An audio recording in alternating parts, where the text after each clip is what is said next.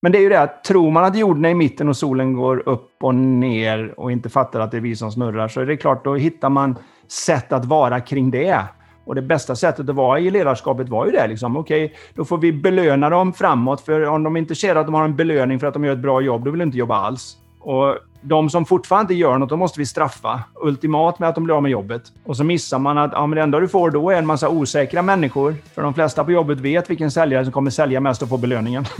så varför ska jag vara i det då? Liksom? De enda som du egentligen gör belöningen för är de som absolut inte bryr sig om den belöningen, för de vet att den är inte för dem. Och då blir de osäkrare. Då presterar de sämre, för nu har de ännu mer emellan. Och så blir det en eh, blir det motsatt effekt mot den som ledarskapet var ute efter när du försöker då incentivera och bestraffa fram någon form av motivation där man har piska i rumpan och morot framför näsan.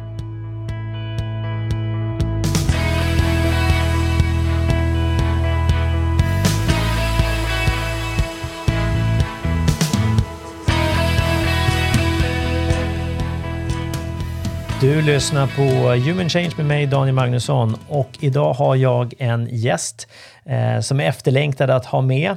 Jag eh, känn, börjar känna till Anders Haglund som då är gäst för några år sedan eh, i samband med att han... Eh, jag såg en video med honom eh, som jag kanske inte ser honom som nu då, enligt som jag känner honom, utan det var en, en golfinstruktionsvideo, så jag känner inte till eh, Anders så mycket mer än det.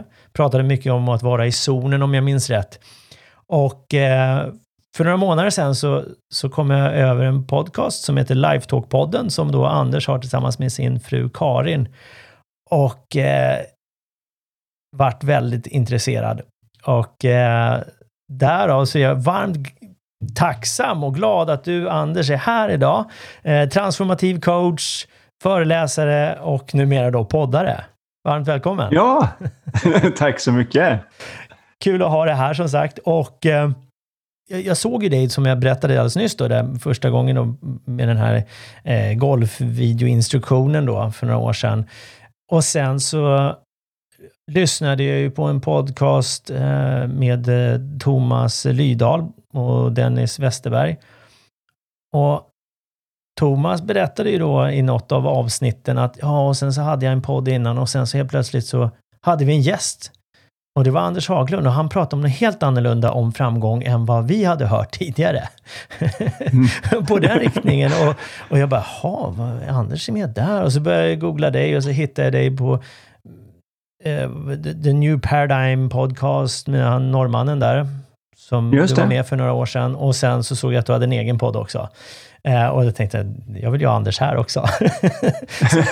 Vad härligt. Så nu är du här och det är jag ju som sagt väldigt tacksam för. Hur skulle du själv beskriva dig och liksom, vad, vad är det du gör? Transformativ coach först och främst. kan ju vara väldigt oklart ja. för en del. Hur, eller förklarar du det för någon? Ja, skälet att jag pratar om mig själv som transformativ coach är ju det att många tänker ju på förändring. Och förändring för mig, det är ju att man har en viss linjär förmåga. Liksom man går till gymmet och styrketränar och rätt vad det är så kan man gå från 50 kilo i bänkpress till 100 kilo i bänkpress. Eller man kan gå till att vara på ett sätt i förhållande, då ska man bli lite bättre på det man har. Liksom. Mm. Och transformation för mig, det är skillnaden blir att om du tar en larv och så tränar du den i gymmet så den kan bli den bästa larv den kan vara. Så mm. att den blir starkare och bättre på att krypa och göra alltihopa. Och så till slut så är det den finaste larven du kan tänka dig i hela världen. Ja, då har man liksom jobbat med den. Men när den går in i puppan och kommer ut som en fjäril, då har den transformerat. Mm. Då är det någonting annat. Någonting har skett där man inte riktigt ser på världen likadant och därefter implementerar sig ens nya förståelse. Till skillnad från när man jobbar med förändring så måste man applicera den och det är ganska jobbigt. Och det hänger ofta inte kvar. Och man får ständigt kämpa med den. Det är lite sådär som motivation, som man brukar säga, att det är som en dusch. Det. Eh, det, häng, det, det räcker inte länge, så du måste göra det dagligen. Det. Och transformation gör att man går från... Min favoritmetafor för det är ju det här med att eh, en gång i tiden trodde vi att jorden var i mitten. Och då såg det ut som att solen gick upp och solen gick ner. Och nu vet vi ju att så är inte fallet. Mm. Utan det är faktiskt en solframrullning och en solbortrullning. Mm. vi skulle ju kunna säga det lika väl, men vi har det inte i språket ens. Nej. Och Det gjorde att man undrade, var är solen när den inte är här?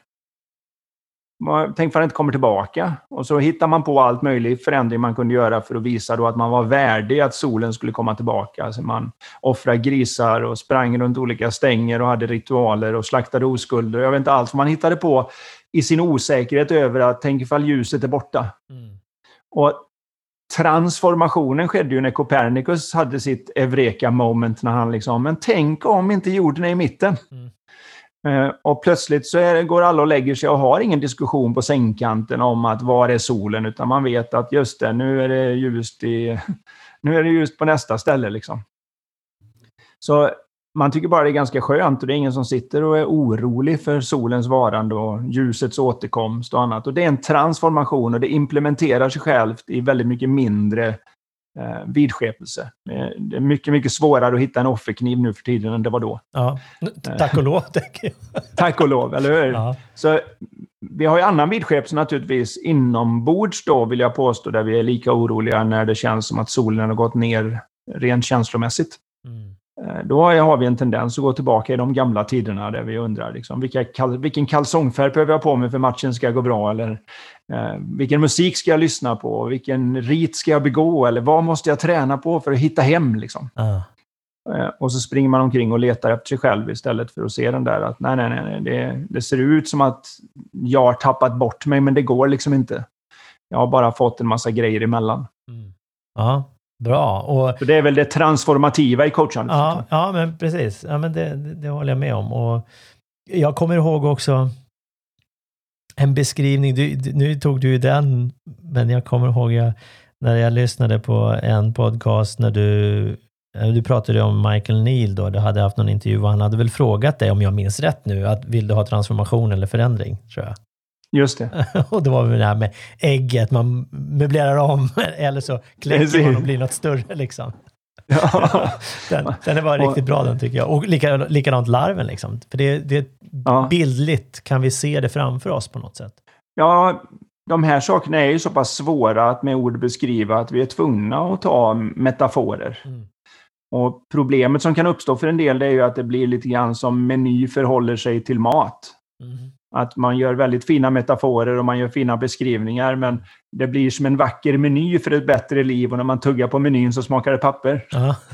man, man, miss, man, missar på något vis att det är maten vi vill åt.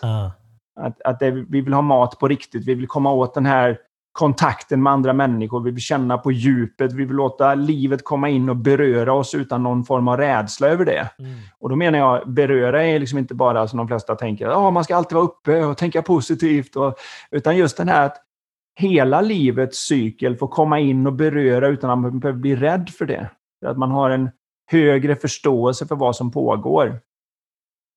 Jag vill till och med påstå att man kan gå så långt som att säga att ingenting skulle ju göra mer för mänskligheten än att vi slutar vara så rädda för vår egen upplevelse. Det, det du pratar om och det, det som hela min podcast handlar om någonstans, det är ju just att skapa en förståelse om hur vår upplevelse skapas. Det är kruxet i alla lägen är ju det här att när vi förstår bättre så kan vi göra bättre. Mm. Och, och, som sagt var, skillnaden är att förståelse implementerar sig självt medan vetskap måste man applicera. Mm. Och känns det som man måste applicera någonting så oftast är det ju att antingen har inte den som lär ut fattat eller så har man själv inte fattat. Mm. Uh, men när, när man så säga förstår att jorden är i mitten och solen inte går upp och ner så automatiskt så verkar det inte vettigt att hugga en oskuld i bröstet över att det blir mörkt. Liksom. Mm. Så att Eh, det, det, kommer, det implementerar sig självt, medan däremot om man fortfarande är rädd för det hela, men man kan så säga så här, det här är etiskt fel och jag springer till skogs med den här 12-åringen så att ingen kan få tag i henne. Mm. Då har man ju gjort en väldigt fin tjänst, men man är ju fortfarande livrädd för att någon ska hitta en och man hoppas att någon slaktar oskulder någonstans så det inte blir mörkt. Eh, så att det, det är två helt olika angreppssätt man får när man inser skillnaden på eh, förståelse och vetskap. Mm din bakgrund, eh, vad har du gjort som, som, som du vill eh, lyfta eh, här och nu? Ja, eh, jag har ju kanske ett annorlunda eh, sätt att komma till det här. De flesta som kommer till olika typer av psykologiska utforskningar kommer ju dit för att de känner att de har vissa problem de vill överkomma. Eh, I mitt fall så kommer jag ju från att jag spelade golf och lyckades bli Europamästare och ville bli världsmästare och slogs av att jag verkade ha alla resurser ena dagen men så fanns de inte nästa.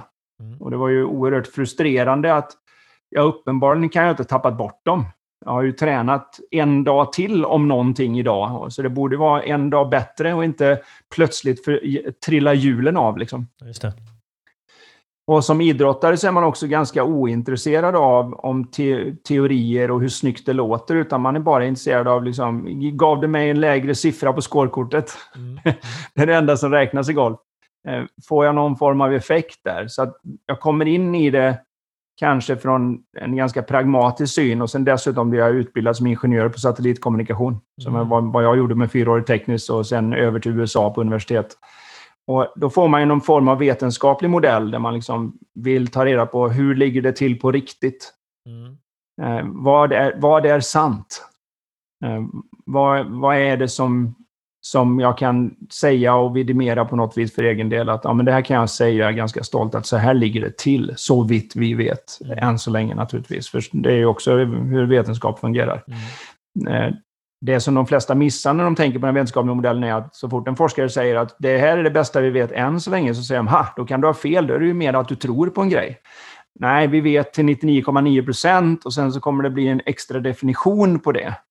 Så att när vi väl gick från Sir Isaac Newton och hans idéer om gravitation och gravitoner och det, det funkar ju fortfarande alldeles utmärkt att räkna på allt som händer på planeten jorden. Mm. Eh, sen visade det sig när Einstein kom att han hade helt fel.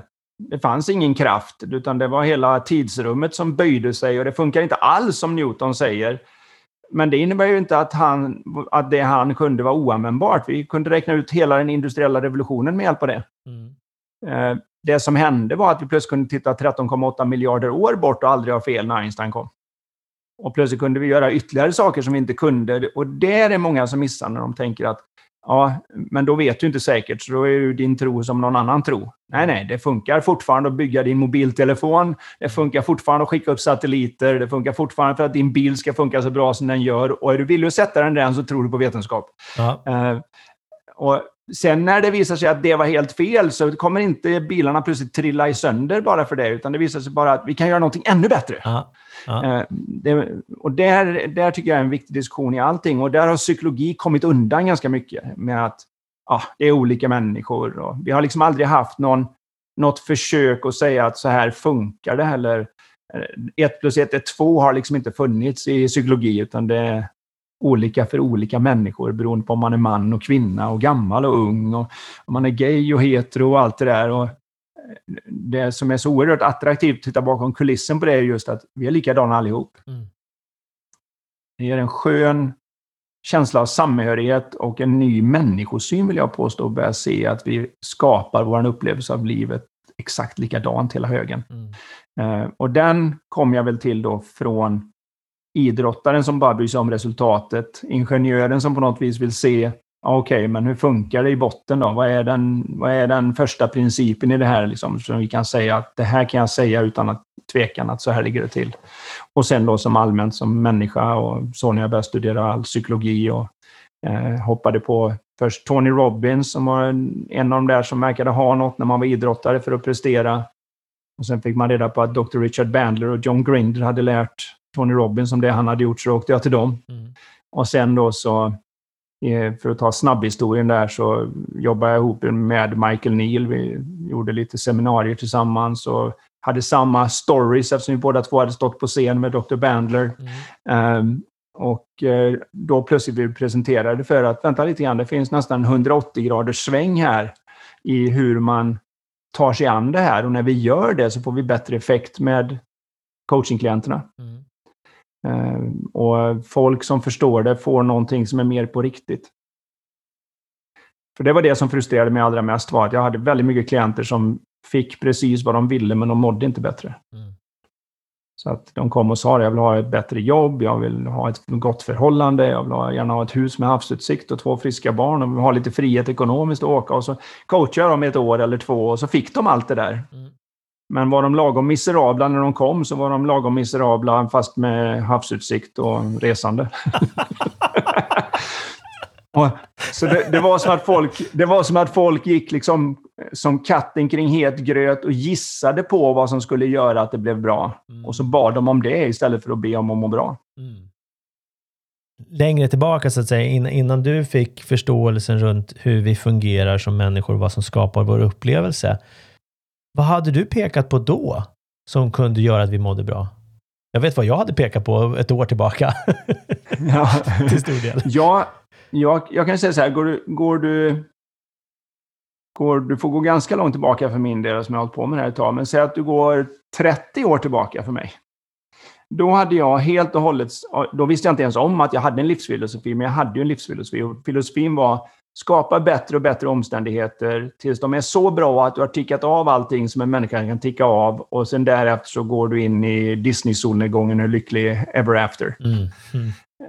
Inte svårare än så. En bättre... Nej, det är inte svårare än så. Är du, är du svensk mästare så blir du Europamästare. Är du Europamästare blir världsmästare. Ja. Och därefter så blir du proffs och vinner majors. Och så får du, till, får du en bättre och bättre bil och bättre och bättre hus och en bättre och bättre partner. Och till slut någonstans där så har du gjort det så bra att det håller i sig. Mm. Det hade ju varit, utan att jag visste om att det var det jag satsade på, men om du tittade på hur jag levde så var ju det grejen. Mm. Nästa steg blev att jag såg sinnestillståndet, en enorma effekt på vår förmåga att åstadkomma någonting.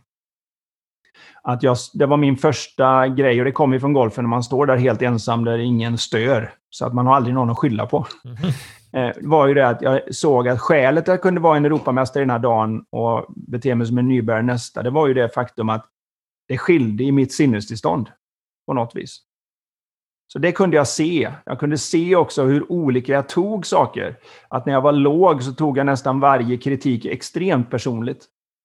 Och när jag var på bättre humör så var, var det liksom, åh, intressant, undrar om jag kan använda det på ett bra sätt. Mm. Så, och den skillnaden på att ta det personligt och bli aggressiv och nästan du vet, försvara sig eller bara ta in det och säga, mm, det har du nog rätt i, men det har du nog fel i, men det kan jag använda. Och det kan...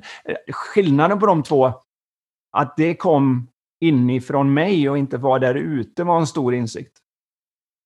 Men i det första läget så sprang jag iväg då och funderade på, okej, okay, hur styr man då det här? Hur, hur styr jag sinnesståndet? Vad gör man? Och då blev ju det till ett antal ritualer då, där man använde kroppen på ett visst sätt och andades på ett visst sätt och använde ansiktet på ett visst sätt. Ställde vissa frågor i huvudet för att styra fokus och annat. Och det var ett lyft. Jag kan inte säga annat. Det var, var, ett extremt lyft från den gamla idén om hur livet funkade. Mm. Det var lite som Newton till Einstein. Ja. det, kunde, det, så det, det, var inte som att det inte fungerade, men det var fortfarande frustrerande att det kunde, vara så att jag tyckte att ja, nu gjorde jag ju samma rutin som igår och ändå gick det inte. Mm. Så jag förstod att det var något jag missade i, i det, även om jag hade sett redan 96 någonstans var det när jag började verkligen se det här med att sinnestillståndet har en enorm effekt på vår förmåga att fungera. Mm. Att det funkar som, jag vet inte, jag, brukar jämföra med en Mary Poppins-väska, du vet när hon kommer och drar upp olika grejer ur väskan. Mm. Uh, och vad hon än behövde så var det bara att sticka ner handen och så fick man upp vad man ville ha. Liksom. Åh, jag behöver en golvlampa och så dök det upp en. Liksom. Mm. Uh, lite att så fungerar man när man är i balans. Att man hittar de rätta orden och man är, sitter med goda vänner och kommer därifrån och tänker det var lite kvickt. Var fick jag allt det ifrån? Mm. Och, och, sen så är man plötsligt lite nere, känner sig mer osäker och man har svårt att ens komma in i en konversation. Man, man tvekar ens på om jag ska säga något överhuvudtaget. Är det någon mening? Och råkar man säga något så blir det fel timing på det. Mm. Så jag såg den betydelsen, men vi, då trodde jag att det var en actionplan att komma dit. Det som skilde var ju det då att i nästa steg, för att nu hoppa om någon är intresserad av historien, var ju det att det var när jag såg att det vi söker inte var någonting som man skapar. Så det fanns inget att göra. Det var ju det lite konstiga. Mm. Och det kom till mig, där jag, jag försöker ju på något vis förklara för mig själv så jag förstår och så verkar andra tycka att ja men du, den, den metaforen gillar jag. Mm. Så för mig så kom det till mig när jag insåg att folk jobbar på att vara nuva, i nuet och närvarande. Liksom. Mm. Men du har ju inget alternativ. Du kan ju inte vara någonstans än i nuet. Så det blir ju jättekonstigt att jobba på att komma tillbaka till nuet, som man säger. Come back to the now. Mm. Tillbaka till nuet. Mm. Eh, som alla höll på med. Det blir ju jättekonstigt när man aldrig har lämnat. Mm.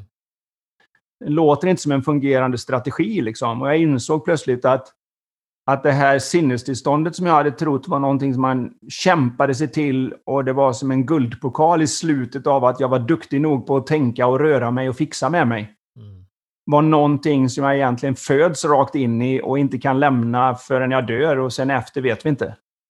Eh, och att det är fullt blås i den så länge som jag lever så, så är jag i det sinnestillstånd jag söker. Men jag kan skapa illusionen att jag inte är där. På samma sätt som jag kan skapa illusionen nu när jag sitter och pratar med dig om jag börjar tänka på eh, vad har jag för möte imorgon? Undrar vad som händer där. Det där är viktigt. Och börjar jag tänka på det så är det som när man satt i skolan. När man tänkte på annat i klassen, då försvinner svarta tavlan och så försvinner whiteboarden och så försvinner läraren och kompisar tills någon säger då kanske du kan komma fram och redovisa. och, och, plötsligt så, så är verkligheten där igen. Uh, och det känns ju verkligen som att jag kommer tillbaka till klassrummet. Men egentligen så har jag varit där hela tiden. Det, det håller som alibi liksom. Uh, och det som hände var att jag skapade illusionen att jag var någon annanstans. Och så fort illusionen upphörde så boom så upptäckte jag att jag aldrig hade lämnat. Jag kom aldrig tillbaks. Mm. Jag bara upptäckte att jag aldrig hade lämnat. Utan att jag hade skapat illusionen av att vara någon annanstans i tid och rum. Och det var stort när jag väl såg den att, att precis som en varg föds med allting som behövs för att vara en bra varg, så föds varje människa med allt som behövs för att vara en bra människa. Liksom. Det, det är inneboende i livskraften som animerar allting. Att det här är någonting man föds in i. Mm. Det är därför barn, trots sin ringa erfarenhet och sitt lite halvtaskiga CV, kan vara så otroligt inne i nuet utan att ha haft en enda mindfulness-lektion. Liksom. Ah. Och det är ju för att man får alltså jobba sig därifrån, men du kan inte jobba dig dit. Och, och det, det blir ju en insikt. För mm. det var därför som jag märkte när jag pratade med många när vi höll på med NLP, och det att i början verkade det superbra när man hade några få verksamma verktyg. Men i takt med att verktygslådan växte så blev det allt mer komplext och kom i vägen. Mm. Det blev som en oorganiserad verkstad där det blev liksom, vad var nu verktyget för ångest? Vad var det nu igen? Det. Eh, så det, så det blev mer och mer komplext och mer och mer i vägen istället i takt med att verktygslådan växte. Fast man trodde att om en dag när jag har den till stora verktygslådan, då har jag ett svar på allt som kan hända en människa. Uh. Så, så det var väl en stor upptäckt på vägen in i det här då som skiftade 2009 för mig. När, när, när jag började titta på det här och, och själv då gick in och funderade, vänta nu, vad är sant här? Är det, är det så att jag kliver in och ut ur nuet? Eller är jag där hela tiden och, ska, eller, och bara får det att verka som jag inte är i nuet? Och då blir det något helt annat att jobba på, för då behöver jag ju som bara avtäcka att jag är i nuet snarare än att skapa att vara i nuet. Vad, vad innebar det här för dig då? Alltså, i ditt sätt att, att eh, jobba till exempel? Och, eller jobba, ja. arbeta, coacha? Ja. Det innebar ju att jag inte längre egentligen gav några individuella svar på de specifika problemen som folk kommer med. Mm. Vilket kan frustrera dem till en början. Och när du säger inte individuella, är det typ skräddarsytt? Ja, jag menar, säg då att de, de är helt hundra på att jag har det här problemet i mitt förhållande, så nu ska vi prata om detta. Mm. Och så börjar jag prata om principer och... Är med? Det är lite som om man kommer och eh, säger att jag har lite problem med att få upp mitt, uh, mitt gästhus här bak. Mm. Nu vill jag prata om gästhuset och så sätter jag igång och säger vänta nu ska vi se här hur gravitation fungerar. Ja, ja. Och, och, och, det är klart att den personen tänker, vad har det med något att göra? Liksom? Ja. Men sen efter ett tag när det börjar falla ner så ser de att, ja just det, ja, då måste den där den där betongklumpen måste sitta helt rakt, för annars blir krafterna fel. Och så när det blir kallt och det krymper och grejer, då spricker ju taket. Det är ju därför allt det här händer. Det, är inte helt, det ligger inte i linje med naturkrafterna här. Just det. Och, och då kan de lista ut det själva. Och då får man ju en helt annan traction för den personen. Så jag har ju ganska många av mina personliga coachingklienter som kommer till mig och berättar att de har blivit av med problem som de undrar, har det något med coachingen att göra? För vi har inte ens tagit upp det. Mm. Men, men det är ju det att när varje människa har ju bott med sig själva alla år. Jag menar, träffar jag en 40-årig chef som vill ha coaching de har ju känt sig själva i 40 år och jag har precis börjat prata med dem. Det vore hybris om jag trodde att jag vet vad de ska göra med bättre än vad de kan. Ja. Men om jag kan lära ut till dem, så att säga, grunderna i hur vår mänskliga psykologi fungerar, då blir det ett aha-moment där de liksom, aha, men då har jag egentligen allt. Jag hade bara organiserat det på ett oanvändbart sätt. Mm. Och plötsligt så är problemet över liksom. Så det känns som man går runt det och en del kan tycka liksom när man sitter ibland så men du, jag, jag vet hur du ska coacha mig jag vill ju prata om det här, varför pratar vi om detta? Ja. Och så får man förklara då att jag tror att det här blir lätt, bättre för dig i längden. Det kan ta lite längre tid, Mm. men å andra sidan när det väl poletten trillar ner så har du någonting som du kan använda oavsett vad som dyker upp. Mm. Snarare än att du behöver ringa mig nästa gång det är ett annat problem och säga hur gör man med det här för det funkar så bra det du sa. Eh, Det är en bra affärsidé ja, ja. naturligtvis. Att, att folk är liksom return business. Men både som egen idrottare och när jag coachar idrottare så har jag alltid haft anslaget att jag ska inte behöva så fort som möjligt. Det blir ju mer eh, autentiskt och, ärligt på något sätt om man tänker från det. Liksom. Istället för att nu ska jag se hur länge jag ska kunna suga ut eh, tid och pengar från X. Liksom. Det blir en annan, Ja. annan synsätt liksom, hur man jobbar. Jag, jag, tror inte, jag tror inte någon egentligen tänker så, men Nej, det blir en naturlig driv i den riktningen. Ja, men, Ja. men, men, men det är ändå så att alla våra ekonomiska system drivs ju av vad spelets regler är. Ja, Så vi klagar ju på att de är långsamma i Indien och Kina och anamma miljödebatten eller till exempel i USA där Donald Trump kliver ur alla miljöavtal och annat och tycker America first och vad det nu kan vara. ja, Men man måste ju komma ihåg att det är extremt svårt för en människa att förstå något nytt när deras lön hänger på att de inte fattar. verkligen. ja, men- ja men verkligen. Det är, där, det är därav, om, om, vi, om vi tar Trump som ett exempel, jag har en god vän som bor där borta. ehm, Mm. Och han sa det, folk i hans närhet som han känner jätteväl och han, han, röst, han får inte rösta, men, men, men just inte pro-Trump då. Men folk röstade ju på honom och röstade även på honom nu senaste valet för att det gynnar deras plånbok. Ja, Och, och, och, och sen kanske man inte behåller filosofin och står för allt som han stod för, men, men det hjälper mig med min plånbok och det är ju det vi ser oss närmast först, eller vad ska man säga? Liksom, det är, det är ganska naturligt. Ja, ja, det är ganska naturligt och det är inte något som vi ens riktigt tänker på. Men jag menar, sitter man nere i Indien med något, eh, någon liten firma som spyr ut en massa grejer och om du fattar hela grejen med att det här lilla gör någonting i det stora Mm. och du behöver liksom kanske ta en investering som du inte kan göra, då känns det mycket bättre att inte förstå det och bara, jag, jag fattar inte vad du pratar om och så Mm. fortsätta. Man, man, man, Eh, man, man låtsas inte fatta i vissa fall till och med. Eller försöker inte Ja, ens. jag tror helt omedvetet så blir det att man Ja. har ett avståndstagande till det och det, det tror jag alla skulle... Det är en väldigt mänsklig grej. Man, man får inte se det som att det finns någon konspirationsteori eller något bakom, utan det är nog en väldigt mänsklig grej att eh, börjar det... Det är lätt att säga något innan det påverkar en själv. Mm.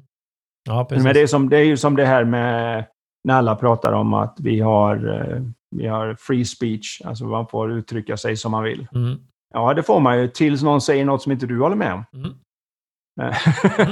så, det, så är det ju liksom. Eh, Du får säga precis vad du vill, fast nu sårar du mig och nu är det stopp. Nu, nu tycker jag du är, nu var det otäckt. Ja. Så att, och det märker man ju liksom på alla de här grejerna, att det går en gräns på något vis där det är att eh, alla får prata fritt tills det påverkar mig. Ja. Ja, det, det, det är väl ett försvar i någon form. Eh, för vi, Ja, Vi tar- och det har vi ju. vi tar det personligt. Ja, ja vi, vi tar vårt tänkande om det personligt och vi blir rädda för hur det skulle kännas. Ska vi ta det till sin basform så är det man, man är singel, man är ute, man ser någon som man är intresserad av. Och så går man fram, tänker man att man ska gå fram för att säga hej. Och så i huvudet föreställer man sig det här och så ser man hur de vänder sig om och liksom tycker dra din loser och hur kompisarna skrattar åt den ungefär. Mm. Och sen går man inte fram och säger hej. Och frågar man nu varför gick du inte fram så visar det sig att de väldigt få är med på att enda skälet att jag inte fick fram är att jag är rädd för att de ska bete sig och säga någonting som jag mår dåligt av. Och jag är så rädd för det att jag inte ens kan gå fram och säga hej. Mm. Så när vi skär av det, när vi liksom ser att det är ett slutet system mellan känsla och vår tanke. Att du kan sitta i ett mörkt rum, madrasserat, ljudisolerat, ligga i någon sorts... Du vet, så att du är en mjuk fåtölj där du knappt känner omgivningen. Det innebär att vi nu trycker hold i stort sett på omständigheterna. Det är bara samma omständigheter om och om igen. Du kan sitta där inne i två timmar, ing, hör ingenting, ser ingenting, känner knappt någonting efter du sitter i den här... Men ändå kommer du åka upp och ner i humöret. Allt ifrån att varför ska jag vara den enda på den här kursen som sitter i ett mörkt rum som någon test? Vad är det för skitövning Anders gav mig? Är du med? Ja. Till att, vad gött att det är jag som sitter här, för jag behövde verkligen vara lite för mig själv och ta en nap. Eller, och det, man ser hur hundraprocentigt det följer tanke. Och att där har vi någonting vi kan liksom ta tag i. Där man liksom, det är som ratten till hjulen. Att varje gång jag vrider höger så svänger det höger. Mm. Medan när vi försöker styra med omständigheterna och säga det att om det är en solig dag och trevliga människor och annat, du är glad. Ja, ibland verkar det stämma, men ibland gör det inte. Det är lite som att försöka styra med backspegeln. Man, det, eller som kanske det gulligaste jag sett är när min, min son eh, satt och jag sa till att nu får du faktiskt låta lillebrorsan vara med och spela Playstation. Ja, ja, säger han då. Och så går jag förbi nästa gång, fortfarande inte hänt något. Så nu får du ge honom en kontroll så han får med. Mm. Och så går jag iväg, så kommer jag tillbaka så ser jag hur båda två sitter där och spelar. Mm. Vet. Men så tittar jag lite närmare så inser jag att storebrorsan har ju gett lillebrorsan en gammal Playstation 3-kontroll. som, inte, som inte är kopplad till spelet. Men han tror ju att han är med. Han är liksom, yay! Och lite som lillebrorsan där är vi när vi försöker styra med omständigheter och riter och annat när vi försöker ordna så livet ska vara bättre. Ibland stämmer det med det där framme när om han trycker på en knapp och så skjuter storebrorsan någon på spelet eller något säger wow, jag sköt honom. Ja, det, det känns som det korrelerar men det har ingenting med det att göra liksom. Mm. Och som vi sitter, när vi inte förstår det här sambandet mellan känsla och tanke så är vi lite grann som en uh, unge med en, med en Playstation-kontroll som inte är kopplad till rätt Playstation. Ja. det är ibland så stämmer det med vad som händer på skärmen och vi tror vi har något. Ja, Och så är vi oerhört frustrerade när det inte stämmer sen. Jag svängde höger och kunde det gå vänster? Mm. Eh, Precis. kunde det hända liksom? Jag försökte plocka upp den och så gjorde den inte det. Mm. Och, Och det är ju frustrerande och, naturligtvis. Ja, och då blir vi irriterade och så tänker vi att då måste det vara något fel på kontrollen. Handkontrollen då, om man tar det då, eller så kontrollen i, i mitt sätt att kontrollera. ja, man kanske tror att det är lite glapp. Ja, Man kan ju tro att det är lite glapp, du vet, så man tänker om jag trycker lite långsammare på knappen så plockar jag nog upp den. Eller om jag rör den lite snabbt och i cirkel med en annan grej så kanske det var, jag var bara fel kommando den gången. Jag hade gjort något som jag inte visste jag gjorde första gången jag klarade det. Och så bygger vi nu, så att säga, vårat, våran vidskepelse som jag kallar det. Och då menar jag bara att man har fått för sig att orsak och verkan är sammankopplat fast det inte är det. mm. Som, som när jag har coachat någon hockeyspelare som verkligen har svårt att gå ut på matchdagen utan att ha röda kalsonger. Mm. Och då har man ju fått för sig att Jaha, det är ju inte att jag har tränat hockey i 15 år som gör att jag är duktig på det här, utan det är ju röda kalsongerna som hjälper till. Mm. Och, och det kan man ju tycka är, det kan man ju tycka är harmlöst.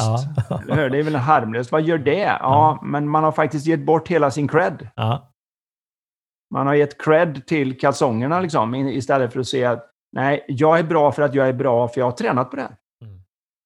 Och, och när jag går ut avslappnat och gör mitt bästa och lägger själ och hjärta bakom uppgiften, ja, då går det riktigt bra. Mm.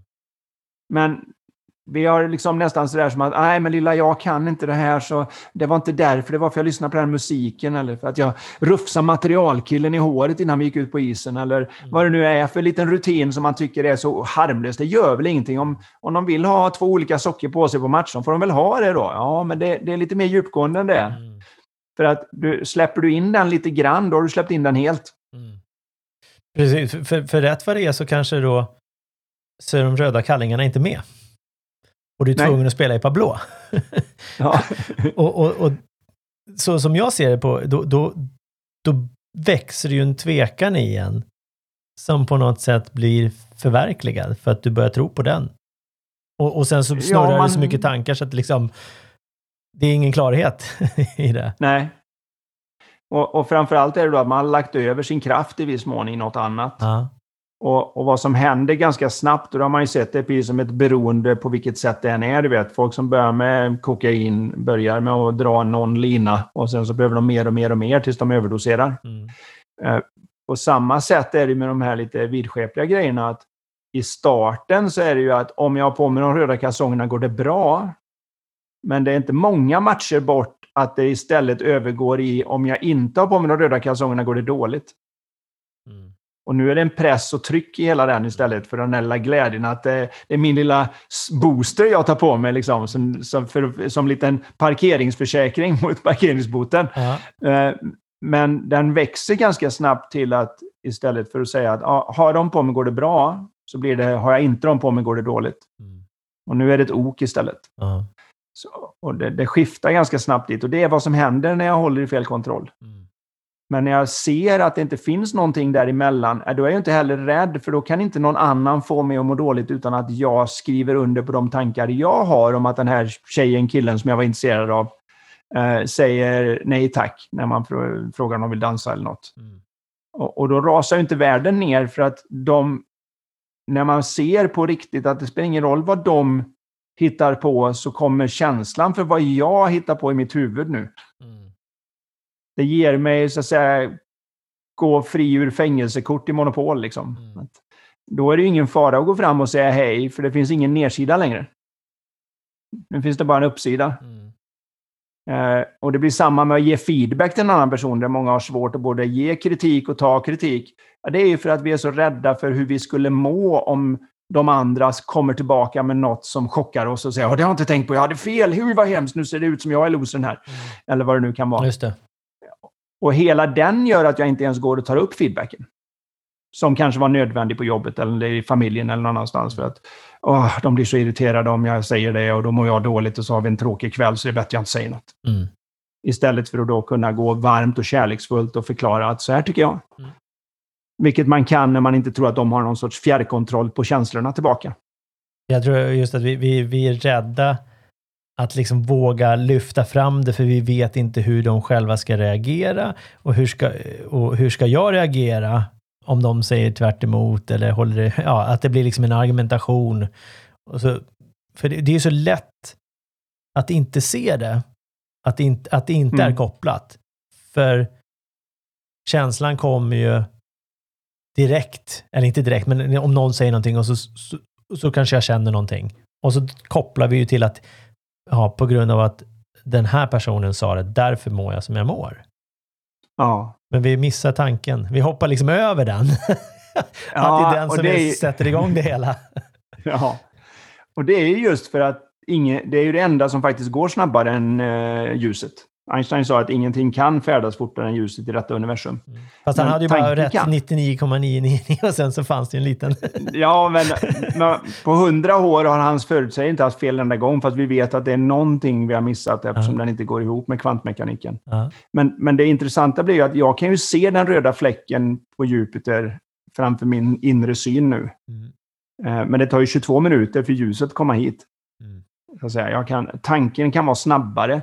Och tack vare att tanke går så fort och är så dold för de flesta, så kan det pågå ganska mycket tankar utan att man vet om att det är så. Mm. Så jag vet en chef som kom till mig och frågade liksom så här att vad är det du egentligen är ute efter här? Och då sa han, ja, vad menar du? Jag sa, men vad är basen? Du ska betala mig ett gäng pengar. Vi ska hålla på ett år. Vad, vad är minimum för att du ska känna att det var värt att göra hela grejen?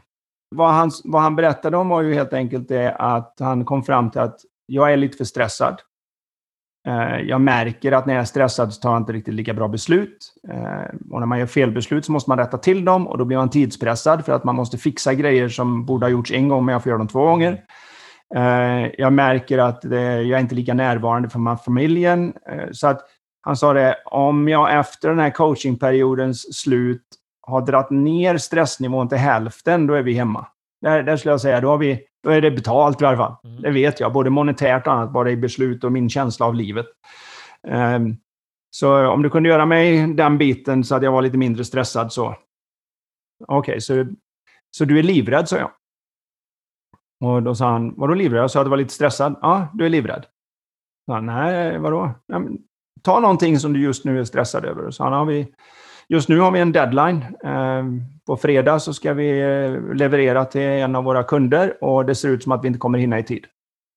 Och det är jobbigt för att eh, och jag sa, vad händer om ni inte möter den då? Jag vet inte, för vi har missat två gånger förut. Och sa, okej, okay, så det här skulle vara tredje gången. Och i ditt huvud så är det lite viktigare. Är det så att du har den här idén i huvudet med många saker, att man får göra ett misstag en gång, man kan göra det två gånger, men tredje gången är du out liksom. Ja, det, så tänker jag ju. Så om den andra chefen på det andra företaget tänker likadant så kan de tycka att vi får ju ha någon annan för nu är det tredje gången. Det, det håller inte. Och så vad händer om de säger det då? Ja, de står ju för 40 procent av vår omsättning, så då går vi från 11 procent i vinst till att vara eh, ett antal procent back istället. Så vad händer då? då? Nej, då kommer jag ju få säga upp folk. Då måste vi kapa i overheaden för att få det att gå ihop så vi kan fortsätta.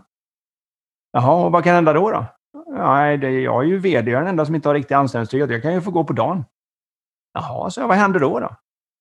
Nej, då kanske jag får anpassa min livsstil och åka hem till min fru och säga att vi inte riktigt kan leva som vi gör. Jaha, vad händer då? då? Jag är inte riktigt hundra på att hon älskar mig bara för mig. Hon, hon älskar kanske den här livsstilen en del också. Jag sa, ja, du är helt rätt. Du är bara lite stressad, inte livrädd alls. Mm. så hela det tankepaketet låg ju där, men han är inte medveten om det. Nej. Att att det här i hans tanke har enormt stora följdkonsekvenser och han har hunnit dra igenom dem på en tiondel sekund, att hela livet kan gå i kras om vi inte... Och det är klart att upplever man det som det, ja då blir man lite hård mot de som ska göra det. Nu jobbar ni över era jävlar, för det här måste vi sköta, för hela mitt liv är på väg att gå i kras. Mm. Så man, man blir ju inte... Man blir inte varm och peppande och coachande i det samtalet, utan man blir nu jävlar. Ja. Och det är klart att när han såg hela den, då hade han ju mycket lättare att se varför han överreagerade med, hemma i familjen och på andra ställen. Och det var ju för att han hann iväg så långt. Och, och den känsla som det gjorde att stacka 200 tankar om hur livet går i kras om inte det här går i, om det här går i stöpet. Mm. Den känslan var ju så pockande att det, det exploderar ju bara igen. Liksom. Mm. Och, så att, och det kallar han då, som de flesta som är drivna, som jag känner mig lite stressad ibland. Lite stressad? Ja. ja, skön definition. Ja. ja, men, det, men det är ju så man, man gärna definierar för sig själv om man är en go-getter och man ska fixa saker och man ser att ja, jag driver igenom det. Jag, jag gör det även om jag är rädd, så att säga. Mm. Jag gör det, jag tar tag i saker och jag gör saker. Men problemet med att jobba med att ta tag i saker fast man är rädd, som alla pratar om, liksom, att ja, du får faktiskt ta tag i detta även om du är rädd för det. Det är ju det att även om jag nu lyckas med det så blir jag ju väldigt modig. Men jag, när jag är modig så är jag ju fortfarande rädd och då får jag ha hela livet som rädd och överkomma det. Just det. Om jag istället förstår bättre hur det här fungerar så kan jag orädd gå fram och säga hej. Istället för att behöva överkomma min rädsla och säga hej. Vilket naturligtvis båda två funkar för att säga hej, men en ja. av dem ger ett bättre liv. Ja. så, så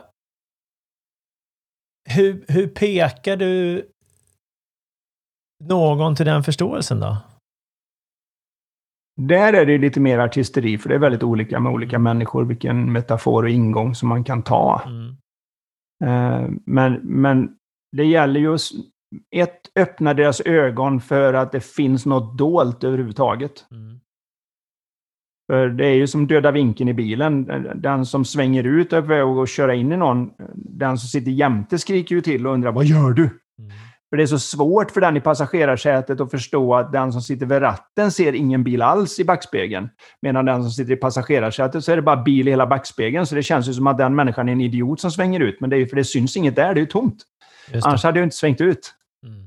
Och så är det ju för alla när de står inför något de har kämpat med. För i mitt fall i varje fall så kom ju ingen till mig för att de fick ett problem förra veckan. Nej. Utan oftast har de ju kämpat med det här ett halvår, ett år, fem år, tio år har det hänt. Liksom att jag har stått ungefär för samma grej, att jag går in i förhållanden och det verkar jättebra och rosa moln och sen så planar det ut och så blir det inte lika roligt och så får man liksom, går man till nästa förhållande och så börjar det på samma sätt och så planar det ut och så till slut så tänker man att ja, men det är väl så här det är, så får jag hugga tag i någon då och skaffa familj. Uh -huh. Och så får man leva med det. Och, och, och det har de nu gått med så länge att de inte vet vad de ska göra med det. Eller att de hela tiden tar ekonomiska beslut de inte själva förstår. Eller att de då stoppar sig själva med auktoritetspersoner eller inte kan, vad det nu än är, som vi alla har våra kors att bära. Liksom. Mm. Men det är ju dolt för oss, för hade det inte varit det så hade vi ju redan löst det. Ja. Så där de tittar och där de försöker, det vet vi per definition att det inte är där vi ska titta. Så att, och då är det lite känsligt att tala om det, att det du tror är lösningen är liksom hur du håller problemet igång. Mm. Mm. Så då, där måste man ju liksom ibland mjuka sig in och ibland Ja. så kan man bara köra hammaren på den. Det, det får man ju ta ett, ett exekutivt beslut om i coachingen. Liksom. Eh, men, men det handlar om att peka på att först ge dem själva ödmjukheten att vet du vad, det kan vara något jag har missat här. Det kan vara någonting jag oskyldigt har missförstått. Mm. Och jag brukar trycka ganska hårt på den oskyldigheten i det. Att det här är ingenting som man väljer. Nej. Det, Ja, och, och, och lösningen som du sa också. ehm, jag hade ett samtal med Jason Shears här i något avsnitt tillbaka. Um, engelsman som också jobbar med, med mycket med addiction och beroende. ja, just det. Ehm, och, han, och han har ju själv grov erfarenhet av det, om vi ska nämna det på det sättet. Aha. Både levt på gatan och brottsligt och alltihopa. Men han sa det, det som alla andra ser som problemet ser vi som lösningen, sa han. När man Mm. är ute efter, eller om man tittar på just beroendet. Och, och beroendet Ja. kan ju vara Ja, eh, sätta på sig på röda kalsonger. Ja, men det kan det Exempelvis. vara, Ja. eller hur? Eh, så är det också ett beroende, för det är ju lösningen på problemet. Eh, Och problemet i det fallet då för den som då spelar hockey i det fallet är ju känslorna och tankarna runt om jag inte har dem. Vad som händer då. när jag har då fått träffa på en del med olika beroenden i coachingen, för det här är ju sånt där, vet, det är ju all, alkohol till exempel är väldigt vanligt, Mm. fast vi ofta stuvar det under mattan. Mm.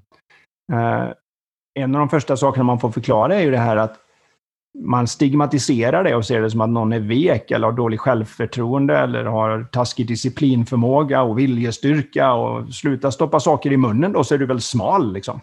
Ja. Eh, och vad man missar helt och hållet är det du pekar på nu. Och det är ju det att alla beroenden är den bästa lösning som den personen har kommit på på en psykologisk smärta de inte har verktygen att hantera. Så någonting skaver i deras själ. De har försökt enligt vad, hur de förstår världen att ordna till det där, men de får inte till det. Och sen råkar de göra någonting som verkar döva det, vad det nu än är. Om det är ute och springa, man kan vara beroende av det också, fast det verkar positivt. Eh, eller om det är en drog eller alkohol eller vad det nu än är som eh, din vän där håller på med. Höll Men på det är med, ju alltså... ska jag säga. Ja, men det är, ja, men det är, lö, det är ju Ja. lösningen. Ja. Det, är ju, det är ju lösningen för människan. Ja. Och när vi är på då och kriminaliserar den och bunkar dem i huvudet som de var svaga och dumma, då mår de ju ännu sämre, vilket gör att de kommer att ha ett ännu större driv att ta till sin lösning. Mm. Omedvetet och oskyldigt i det fallet. De ser det ju Jajamän, så. helt, Ja, nej, det bara sker. helt liksom. omedvetet och oskyldigt. Ja, det bara sker. Ja.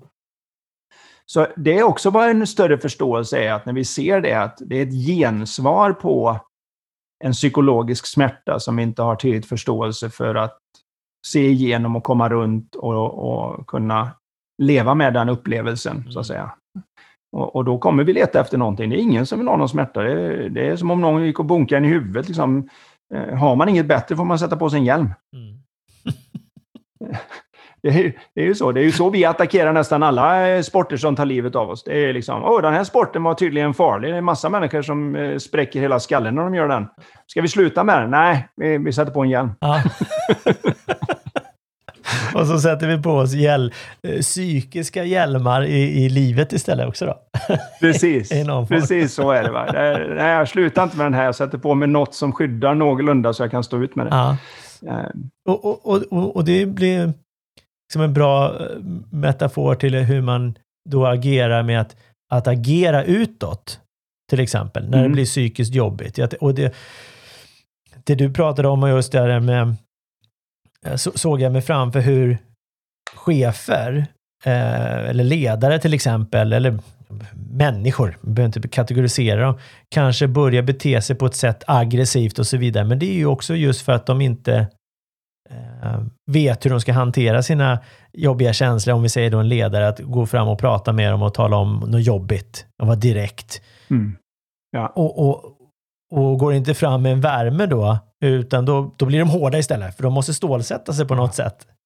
Ja, För att de, de är sätter på den där hjälmen va? Vad sa du? Ja.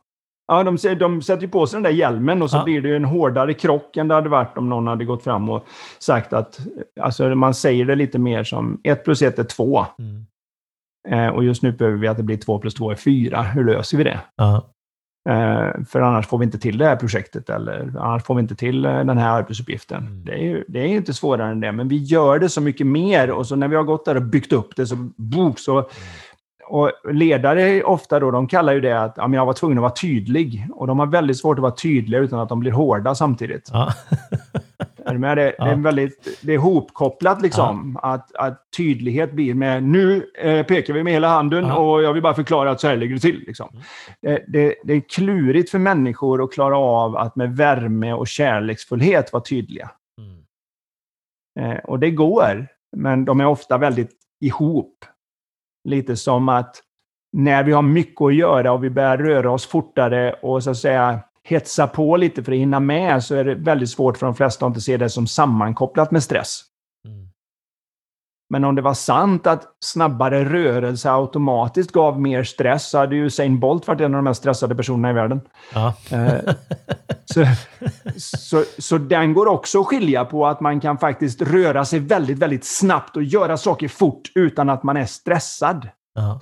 Eh, medan den är ofta hopkopplad i tanken hos de allra flesta. Att Mm. Ser du någon som går fort på stan så är det värst vad du har stressad idag. Ja. Eh, inte liksom att eh, så du behöver gå fort för att hinna fram. Ja. Exakt. Ja. Utan det är automatiskt att man antar att då är du också stressad. För nu har du kort tid på dig uppenbarligen, då blir man ju stressad. Mm. Som att, som att deadlines och tider har en automatisk, eh, jag vet inte, prickskyttegevär in i känslorna. Mm.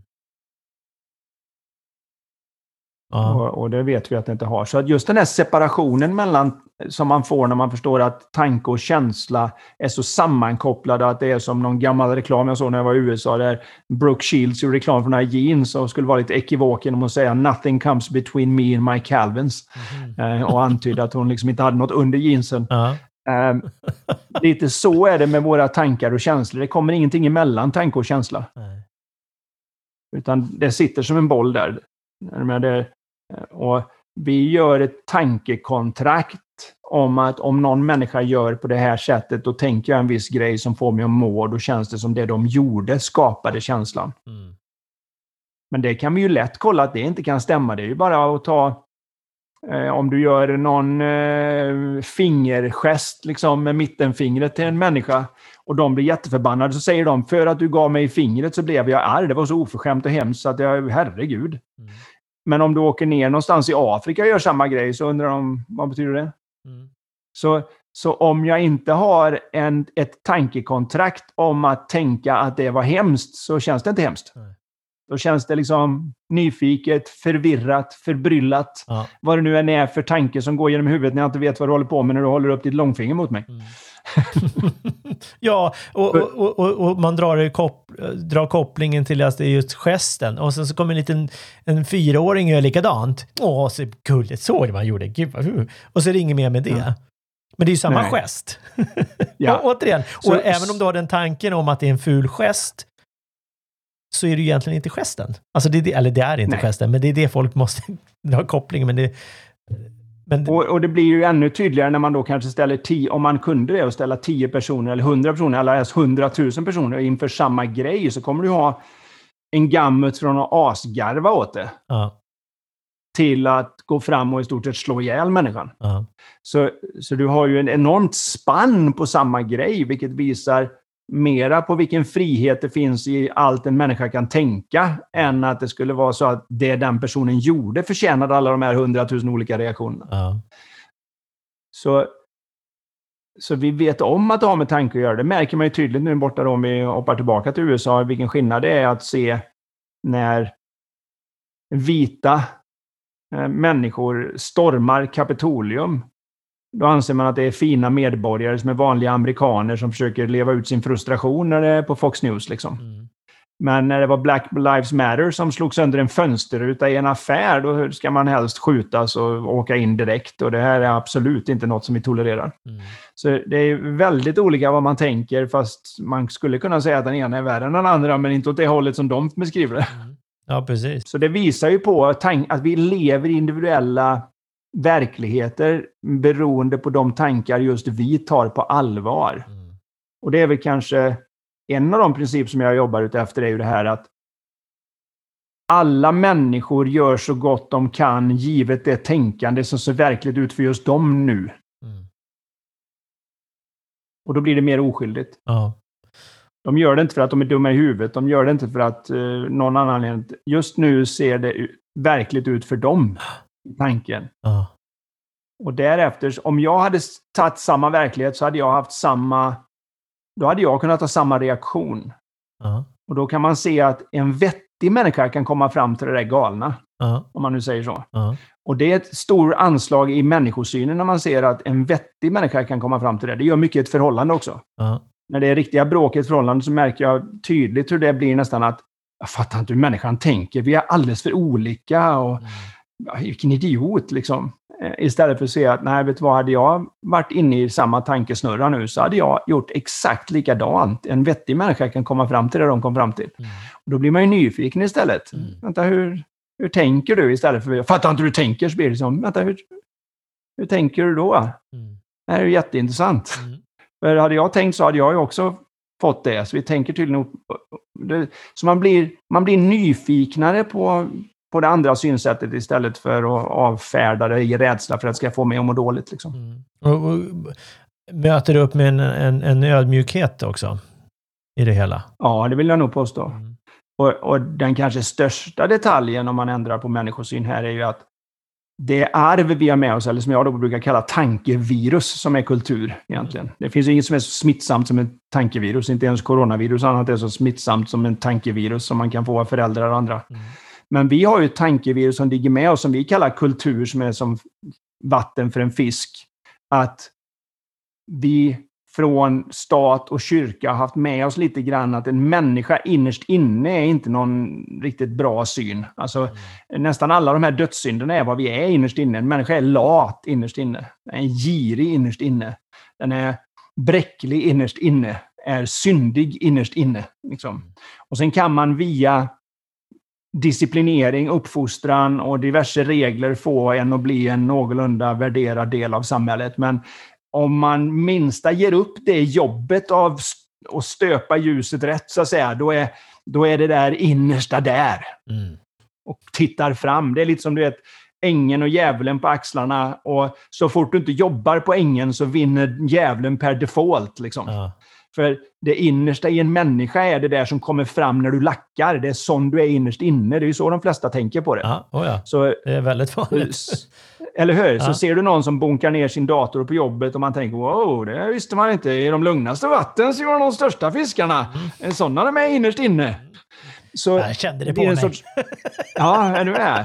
Och, och samma i ett förhållande så kan det vara så att när någon lackar, det har varit bliss i tre veckor och så lackar någon. Ja, då tror man ju att det som kom nu är hur de är innerst inne. Jag vet inte om man kan leva med det. Och då suddar fem minuter gräl tre veckor av bliss. Liksom. Uh. Och, så det är en väldigt stor skillnad när man börjar se att nej, nej, nej, nej. Så som en människa är när de är i balans. Så som en människa är när de myser i välbehag. Så som du är då, det är facit. Det är hur du är innerst inne. Det är ditt innersta som kommer ut. Mm. Så som du är när du är uppblockerad i tanken, har mycket mellan öronen, blir upprörd och har dåliga känslor och beter dig... Varenda människa på jorden beter sig dåligt när det händer. På något vis. Mm. Mindre bra i varje fall. Mm. Den vi är då, det är tillfällig tankeförvirring. Och om man väl ser att det är ett faktum och inte att man försöker liksom hitta en bra spin på mänskligheten. Det gör ju mycket för ledarskap, för att den gamla idén gör ju att man pressar på sin personal så hårt man kan tills de bryter ihop och så säger man ja, nu vet vi vad vi har att jobba med. Sådana är de. Är ja, ja. Här kom sanningen, sådana är de. Hur gör, vad ska vi nu sätta för eh, practice och värderingar för att få det att inte hända? Ja. Men om man förstår hur det är åt andra hållet, då försöker man ju hjälpa människor så mycket man kan att lämpa av de osäkra tankepaketen så att de är i balans, så att de är mentalt klara. Och så som de beter sig då ser man att wow, det är vad jag har att jobba med. Mm. Det är ju en fundamental förändring i människosyn när man ser den lilla enkla i, i botten där. Att, vilket är sanningen här, för vi människor kan vara allt. Sanningen är att en, en person som älskar dig innerligt och djupt kan plötsligt hamna ur balans och säga något otroligt sårande. Mm. Så de, de kan så säga upplevas som att de sårar en och därför kan de inte älska en på riktigt. Mm. Det blir oerhört viktigt att se att det är tillfällig tankeförvirring. Och att, och att det andra vi hade, när jag är lugn och vi, när jag känner mig på rätt plats själv, så som det ser ut då, det, det är liksom hur det är innerst inne. Mm. Det är liksom grundläget? Eller grund, det är grundläget. Liksom. Det är, eller ja. Så, så, när vi båda är på ett bra ställe i förhållandet, så som vi ser det då, då, det, så är det. Uh. Det innebär inte att man alltid är ihop, för det kan vara så att båda är på ett bra ställe, tittar på varandra ganska kärleksfullt, ungefär som man kan göra i en affärsdeal. Liksom, att du, eh, jag är på ett jättebra ställe och det här är okej, okay, men nej. Men det här är ingen bra passform riktigt. Så, så det är inte som att bara för man är på ett bra ställe så funkar allt. Nej. Utan det kan bara vara att man tar det bästa beslutet fast man gör det från ett helt annat ställe så det blir mycket mera värme i att säga att vi kanske ska gå isär. Snarare än att man går och tänker och tänker och tänker och tänker och man är rädd för att säga det för man vet inte vad som ska hända med barnen och ekonomin och, det, det, det, och till slut är det så stort som man bara exploderar över någon liten grej och säger hur räcker det ta mig fan? Uh, uh, och så blir det ju ingen bra slut på den naturligtvis. Mm. För att den kommer ur tankeförvirringen istället för från den här kärnan i mänskligheten där vi kan mötas hjärta till hjärta eller hur du nu vill uttrycka det. Mm. Eller som jag brukar då med den här gamla metaforen med solgången, att möta sol till sol utan för mycket moln emellan. Just det. Mm. Härligt. Um, och, och där, där vet vi vad som är bäst, oavsett om det är att vi ska sära på oss eller vara ihop. Men, men där vet vi så bra som en människa kan veta, vet vi där. Mm.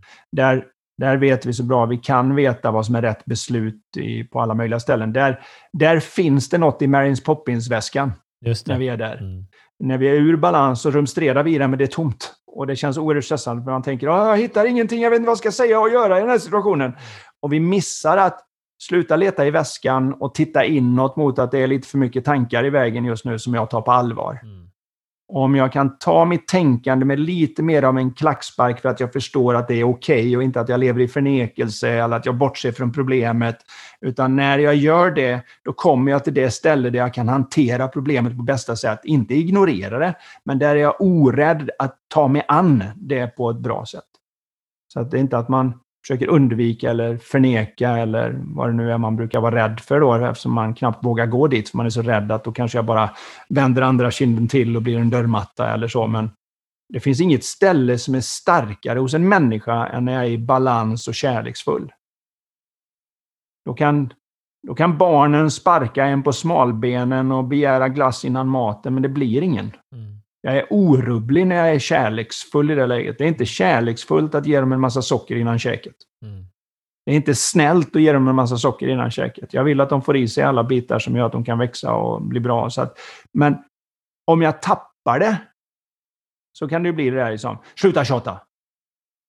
Jag vill ha en glass, sluta tjata nu. Det är mat om tio minuter, nu räcker det. Och så till slut när de tjatar och man är ur balans, det är då man flyttar på sig. Om, om du vill ha en glass så jävla gärna ta en då. Då ska du, Men då ska du äta sen också. Ja, det finns ingen glädje. Ja, det finns ingen glädje i det alls. Nej, är det nej. inget beslut taget från rätt ställe. Nej. Det är det jag menar. Så att vi tittar och tror att man blir mjuk och vek och flyttbar för att man kliver in i balans och välmående. Men det är där du är oflyttbar. Mm. Vi är rädda också för att vi blir oproduktiva när vi är välmående. Det, varenda business jag har varit i när man föreläser så säger de mycket av den här att ah, det är ju, eh, man får inte vara nöjd. Är man nöjd, det är liksom första steget mot att inte lyckas nästa år. Men har det gått bra, men vi får inte vara nöjda. Mm. Inte vara nöjda. Mm. Nöjdheten är det bästas absoluta värsta fiende. Sitter man där och kliar sig i naveln och gör ingenting för man är nöjd. Mm. Den, den fantasin har jag gått runt med länge kan jag säga. Ja. Jag är inte nöjd, jag är tacksam, har jag pratat om. För jag har varit mm. rädd att, att jag ska tappa drivet. Jag har inte tänkt ja. alls på det. på det sättet senaste året tror jag. Nej. Men, jag, nu, Och det, men det, förut var det så. ja. och det är stort, eller hur? Ja. För att det är samma sak på en arbetsplats då, att barn fattar vi ju med en gång att när de är välmående, då är de kreativa och produktiva, även om vi inte alltid gillar produktiviteten när de har byggt fort av alla kuddar i huset och drivit ut varenda bok i bokhyllan för de behövde den till att ställa något på, eller vad det nu var. Det, det, vi kanske inte gillar det, men om du tittar på det så är det enormt produktivt och kreativt. När de lägger sig ner och skriker och är missnöjda, då händer det inte mycket. Nej. Och sen har vi fått lära oss i alla ledarskapsböcker att ja, men för en människa vänder det på vägen fram här va. Så är det så att när man är liten är man sån, men så på vägen någonstans, då blir det tvärtom när man är vuxen. Är man nöjd och sätter man sig ner och gör ingenting, för det är, man, det är som att man har ätit middag och är mätt. Då har man ingen lust att laga mat. Då gör man Fat inget. and happy. Ja, fat and happy liksom. Ja. Och, så därför måste man eh, se om man kan hålla sig lagom missnöjd, så man kan vara produktiv, så man kan dö nöjd efter att ha varit missnöjd hela livet. Eh, Och så, så omformulerar är man ju- det så det låter snyggt i en ledarskapsbok utan att vara så här, Ja. eh, cyniskt. ja, ja, Som det precis. egentligen Men, är. Det är, jag har ju läst 1300 böcker och i stort sett alla böcker är ju... Men det är ju det att tror man att jorden är i mitten och solen går upp och ner och inte fattar att det är vi som snurrar så är det klart, då hittar man sätt att vara kring det. Mm. Och det bästa sättet att vara i ledarskapet var ju det. Liksom. Okej, då får vi belöna dem framåt. För om de inte ser att de har en belöning för att de gör ett bra jobb, då vill de inte jobba alls. Mm. Och de som fortfarande inte gör något, då måste vi straffa. Ultimat med att de blir av med jobbet. Mm. Och så missar man att ja, men det enda du får då är en massa osäkra människor. För de flesta på jobbet vet vilken säljare som kommer sälja mest och få belöningen. Mm. Mm. Så varför ska jag vara i det då? Liksom? Och då, de, enda som, de enda som du egentligen gör belöningen för är de som absolut inte bryr sig om den belöningen, för de vet att den är inte för dem. Mm. Och då blir de osäkrare, då presterar de sämre, för nu har de ännu mer emellan. Och så blir det en eh, blir det motsatt effekt mot den som ledarskapet var ute efter när du försöker då incentivera och bestraffa fram någon form av motivation där man har piska i rumpan och morot framför näsan. Mm. ja. Och, och när man ser då att en människa som mår bra kommer på en massa idéer och vill genomföra dem, att det är lite grann lika naturligt för en människa att komma någonstans och tänka att det här går att göra lite bättre. Om det så är att man kommer hem till någon och säger det här, fick ett fint hus. Ja, tänk vad fint det hade varit med en fondvägg där borta. Ja, ja. Det, gärna vi funkar så att vi hela tiden ser att ja, iPhone är bra, men iPhone 4 får behöva vara lite bättre. Ja, Så vi, vi, vi har den här drivet till en förbättring som ligger i oss lika mycket som att en växt kommer vara lite högre nästa år. De skjuter ner lite rötter hämtar lite mera vatten och tar in lite mera solljus. Det ligger i livskraften på något vis, även hos oss människor, att lite mer kan jag göra. Ja. Och den, den är det enda vi, vi har fått möjlighet, till skillnad från allt annat på planeten som det verkar, är att vi kan komma i vägen för det. Ja. Och vi har trott att nej, nej, nej, nej, vi har inte den, så vi måste bygga den Ja. genom olika metoder. Istället för att säga att nej, nej, människan som mår bra slappnar av, de växer. De, det, det är liksom hur vi strävar. Ja. Då vill vi, jag vill gärna vara med och göra den appen bättre. Eller, jag tror vi, om vi gör så här med firmafesten så blir det ännu roligare. Alla, alla är där när de mår bra. Liksom. Det, det, är det, är, det är lika naturligt att, för en människa att titta på förbättring som det är för ett lejon att välja ut rätt gnu i gruppen. Liksom. Mm. ja, och, och, och, och, och allt som behövs blir ju på något sätt en förståelse så att, så att, att vi inte tar tankarna, så vi låter dem skingras, så att vi eh, hittar hem, eller vad man ska säga, liksom får det här välmåendet. Jag skulle till och med vilja säga att det finns en högre nivå av det där och det är att du behöver inte låta tanken skingras när du ser den för vad den är, för då blir det liksom kejsarens nya kläder. Ja, Så jag har haft flera stycken jag pratat med till exempel som har haft, säg, eh, bulimi eller ätstörningar och annat som är extremt svårt att göra någonting åt med olika metoder och annat, för det går in i samma hamsterhjul liksom. Mm. Men där de, när man pratar om tanken och de kan... Jag kommer ihåg en tjej som bara hade en sån här härlig avslappning när vi pratade om det plötsligt. Och jag sa, nu händer det någonting. Vad, vad var det? Och sa hon, "Ja, jag tror vi är klara nu. Mm. Ja, men det här är ett svårt problem. Du har fått väga mat, du har sprungit upp och ner för bodegatrappan. Du har, liksom, du har satt fingrarna i halsen på restauranger. Hur vet du att det är annorlunda den här gången? Så, jag vet inte och det kommer låta jättelöjligt när jag säger det. Ja, så, vad är det då? Det slog mig bara att jag har varit olyckligt tjock och jag har varit olyckligt smal, så min vikt har inget med det att göra. Mm. hon sa det låter löjligt, men för mig plötsligt bara ser jag det. Det, det låter som en klyscha, men jag, jag är klar. Och när jag följde upp med henne och kollade så sa hon, frågade liksom, hur gick det nu när det gick ut? För jag visste att hon skulle ut med familjen och äta på restaurang. Och att det, det var en av de där ställena där det var jobbigt. Liksom. Mm. Hon sa, hur gick det då? Nej, jag, var, jag hade ju fortfarande samma grej, att jag började planera i huvudet, var, beroende på var vi sitter, hur jag ska kunna gå för att inte de ska tro att jag ska gå på toaletten. Mm. Eh, hur jag ska göra, hur jag ska hantera hela den här grejen. Alltså, hur brukar det vara? Det är ångest, ångest hela vägen. Hur var det nu då? Inte alls. Det känns mer som någon sorts James Bond-film när jag hittade på det där. Och jag sa, vad kommer det sig? Nej, jag vet inte. Det, det var mer som att där kommer bulimitanken. Så det var inte att tanken behövde skingras eller tas bort eller låtas accepteras eller något av det, utan det var bara en annan relation till tanken som gjorde att Wow, han har ju inga kläder på sig. Mm. Han kan, tanken kan inte göra något med den om inte jag slår in min personliga kod i App Store. Liksom. Mm. då, laddas den inte liksom, ner och tros på. Liksom. Nej, men det är lite ja, som ja. köp inuti app, du vet. Ja. Man, man, får gratisappen när man föds och så står det sen köp inuti app. om, om, du liksom inte, om du inte trycker dit tummen eller visar upp den för ansiktet eller slår in din kod så kan tanken inte göra någonting, för tanke är en dualitet som är lite spännande, vilket är att det är det mest kraftfulla som finns. Vi vet allihop att en arkitekt kan komma till en tom plätt, föreställa sig i tanken ett hus, rita det på papper så noga att han kan lägga det till en byggfirma och sen står det ett sånt hus där, mm. som ser ut som inne i den här personens huvud. Mm. Så vi kan ta från ingenting och göra någonting av det som värsta mirakelgörarna. Liksom. Ja. Så tanke är enormt kraftfullt för att det kan göra något som aldrig fanns innan. En tanke om jämlikhet, en tanke om raslikhet, en tanke om att det är inga problem att vara gay, gifter, kärlek är kärlek. Alltså det är enormt kraftfullt den här tankevirusen som går omkring och driver framåt och vill bli bra. Men samtidigt så är tanke det mest kraftlösa som finns. För i samma stund som du skriver in koden så kan du inte göra någonting. Tack, Anders. för denna stund. Jag har suttit och bara, ja. bara man njuter. Bara, mm. jag har täckt lite allt från himmel och jord här. Jätte, jättebra. Om någon vill komma i kontakt. Jag, jag rekommenderar självklart att, att lyssna in på, på, på eh, eh Lifetalk-podden som du har med din fru Karin. Ja. Eh, riktigt, riktigt bra. Ni släpper varannan torsdag och liknande va?